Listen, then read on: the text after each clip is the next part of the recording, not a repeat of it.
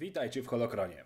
W poprzednich odcinkach z tej serii poznaliśmy już typy i rodzaje broni świetlnych, style i formy walki, czas więc nieco pochylić się nad samą rękojeścią tej bardziej cywilizowanej broni. Materiał tyczyć się będzie w głównej mierze legend. Zapraszam. Historia miecza świetlnego sięga wstecz na 15 tysięcy lat przed rokiem zerowym, a prototyp miecza jeszcze wcześniej, ale to również było już powiedziane w jednym z odcinków. Niegdyś miecze wymagały zewnętrznego zasilania i ulegały przekształceniom, jednak podstawowa budowa nie ulegała zmianie.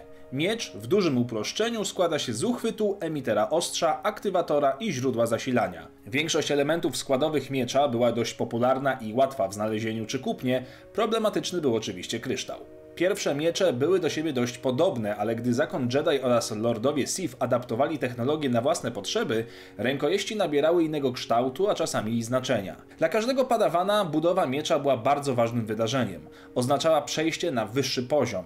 Miecz był symbolem wojownika, ale i strażnika. Musiał on więc odzwierciedlać charakter właściciela. Z zasady więc każdy miecz nieco się różnił, aczkolwiek często używano podstawowych stylów budowy, które były następnie lekko zmieniane i dopasowywane do młodego młodego Jedi. Takich stylów jest kilka, a oto ich nazwy. Adept, Adjudicator, Arbiter, Avenger, Champion, Consul, Defender, Firebrand, Guardian, Preator, Retailator, Sentiel, Vanquisher, Vindicator i można tu dodać jeszcze dość znaną rękojeść zwaną ostrzem jeansu. Wszystkie te modele wprowadziła do legend gra Jedi Knight Jedi Academy. Mimo prób nigdy nie udało się wprowadzić masowej produkcji rękojeści mieczy świetlnych z prostego względu. Do ich budowy potrzeba było użycia mocy i ogromnego skupienia oraz umiejętności. Żaden Jedi, a tym bardziej Sith, nie zamierzał trudnić się masową produkcją broni, która w niepowołanych rękach mogła wyrządzić wiele szkód. Choć zdawałoby się, że dla każdego użytkownika mocy, który jest jednocześnie w jakimś stopniu wojownikiem, miecz musi być spersonalizowany, to nie zawsze tak było.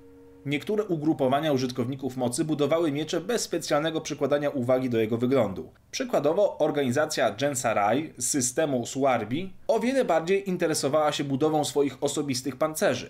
Miecz był dla nich zwykłą bronią. Podobnie było w przypadku rycerzy Imperium, którzy w większości używali zwykłych mieczy o podstawowej budowie. Broń była dla nich równie bezimienna i pozbawiona znaczenia jak blaster. Wciąż jednak zadaniem każdego z rycerzy Imperium było własnoręczne zbudowanie swojego miecza. Ta oryginalna broń służyła oczywiście głównie w walce, czy to w rękach agresora czy protektora. Jednak sama rękojeść miała również nieco inne zastosowania, m.in. w rytuałach. Zakon Jedi korzystał z mieczy przy wielu innych okazjach, m.in. podczas wstąpienia padawana w szeregi rycerstwa. Rytualne odcięcie warkocza włosów odbywało się za pomocą ostrza mistrza Jedi, pod okiem którego uczył się młodzik. Często inni mistrzowie oraz rycerze Jedi stali w kręgu podczas tej ceremonii, trzymając w rękach włączone ostrza. Inny przykład to rzadka, ale niezwykle ważna tradycja Jedi, zwana konkordatem lojalności. Zwyczaj ten miał miejsce, gdy jeden Jedi przekazywał swój miecz drugiemu w opiekę. Takie przekazanie rękojeści miało często sakralny i duchowy wymiar, a tacy Jedi nawiązywali bardzo mocną więź zaufania. Tradycja pasowania na rycerza raczej nie miała miejsca u Sithów, ale jest od tej reguły wyjątek. Lord Vader użył tradycyjnej formuły pasowania, przykładając ostrze miecza do dwóch ramion Galena Mareka. Inne przypadki nie są znane, niewykluczone więc, że był to kaprys Vadera lub że posiadał on wiedzę na temat starożytnej tradycji Sith zaadaptowanej od zakonu Jedi. Być może samemu, będąc niegdyś członkiem zakonu, użył tej formuły umyślnie co zaś tyczy się samej budowy miecza filmowej rzeczywistości. George Lucas był zafascynowany jako dzieciak licznymi przygodami swoich telewizyjnych bohaterów, którzy często dzierżyli w dłoniach miecze właśnie. Gdy tworzył Gwiezdne Wojny, chciał, aby jego bohaterowie również posługiwali się jakąś formą miecza, ale nieco bardziej oryginalną. W nazwie lightsaber pozostało jednak słowo saber, czyli szabla. Co jednak ciekawe, w pierwszych szkicach jego nazwa brzmiała laser sword, czyli miecz laserowy. Taka nazwa swojego czasu długo funkcjonowała w Polsce. W pierwszych konceptach filmu miecz nie był jednak bronią użytkowników mocy, a dość powszechnym orężem, który dzierżyli zarówno szturmowcy Imperium, jak i rebelianci.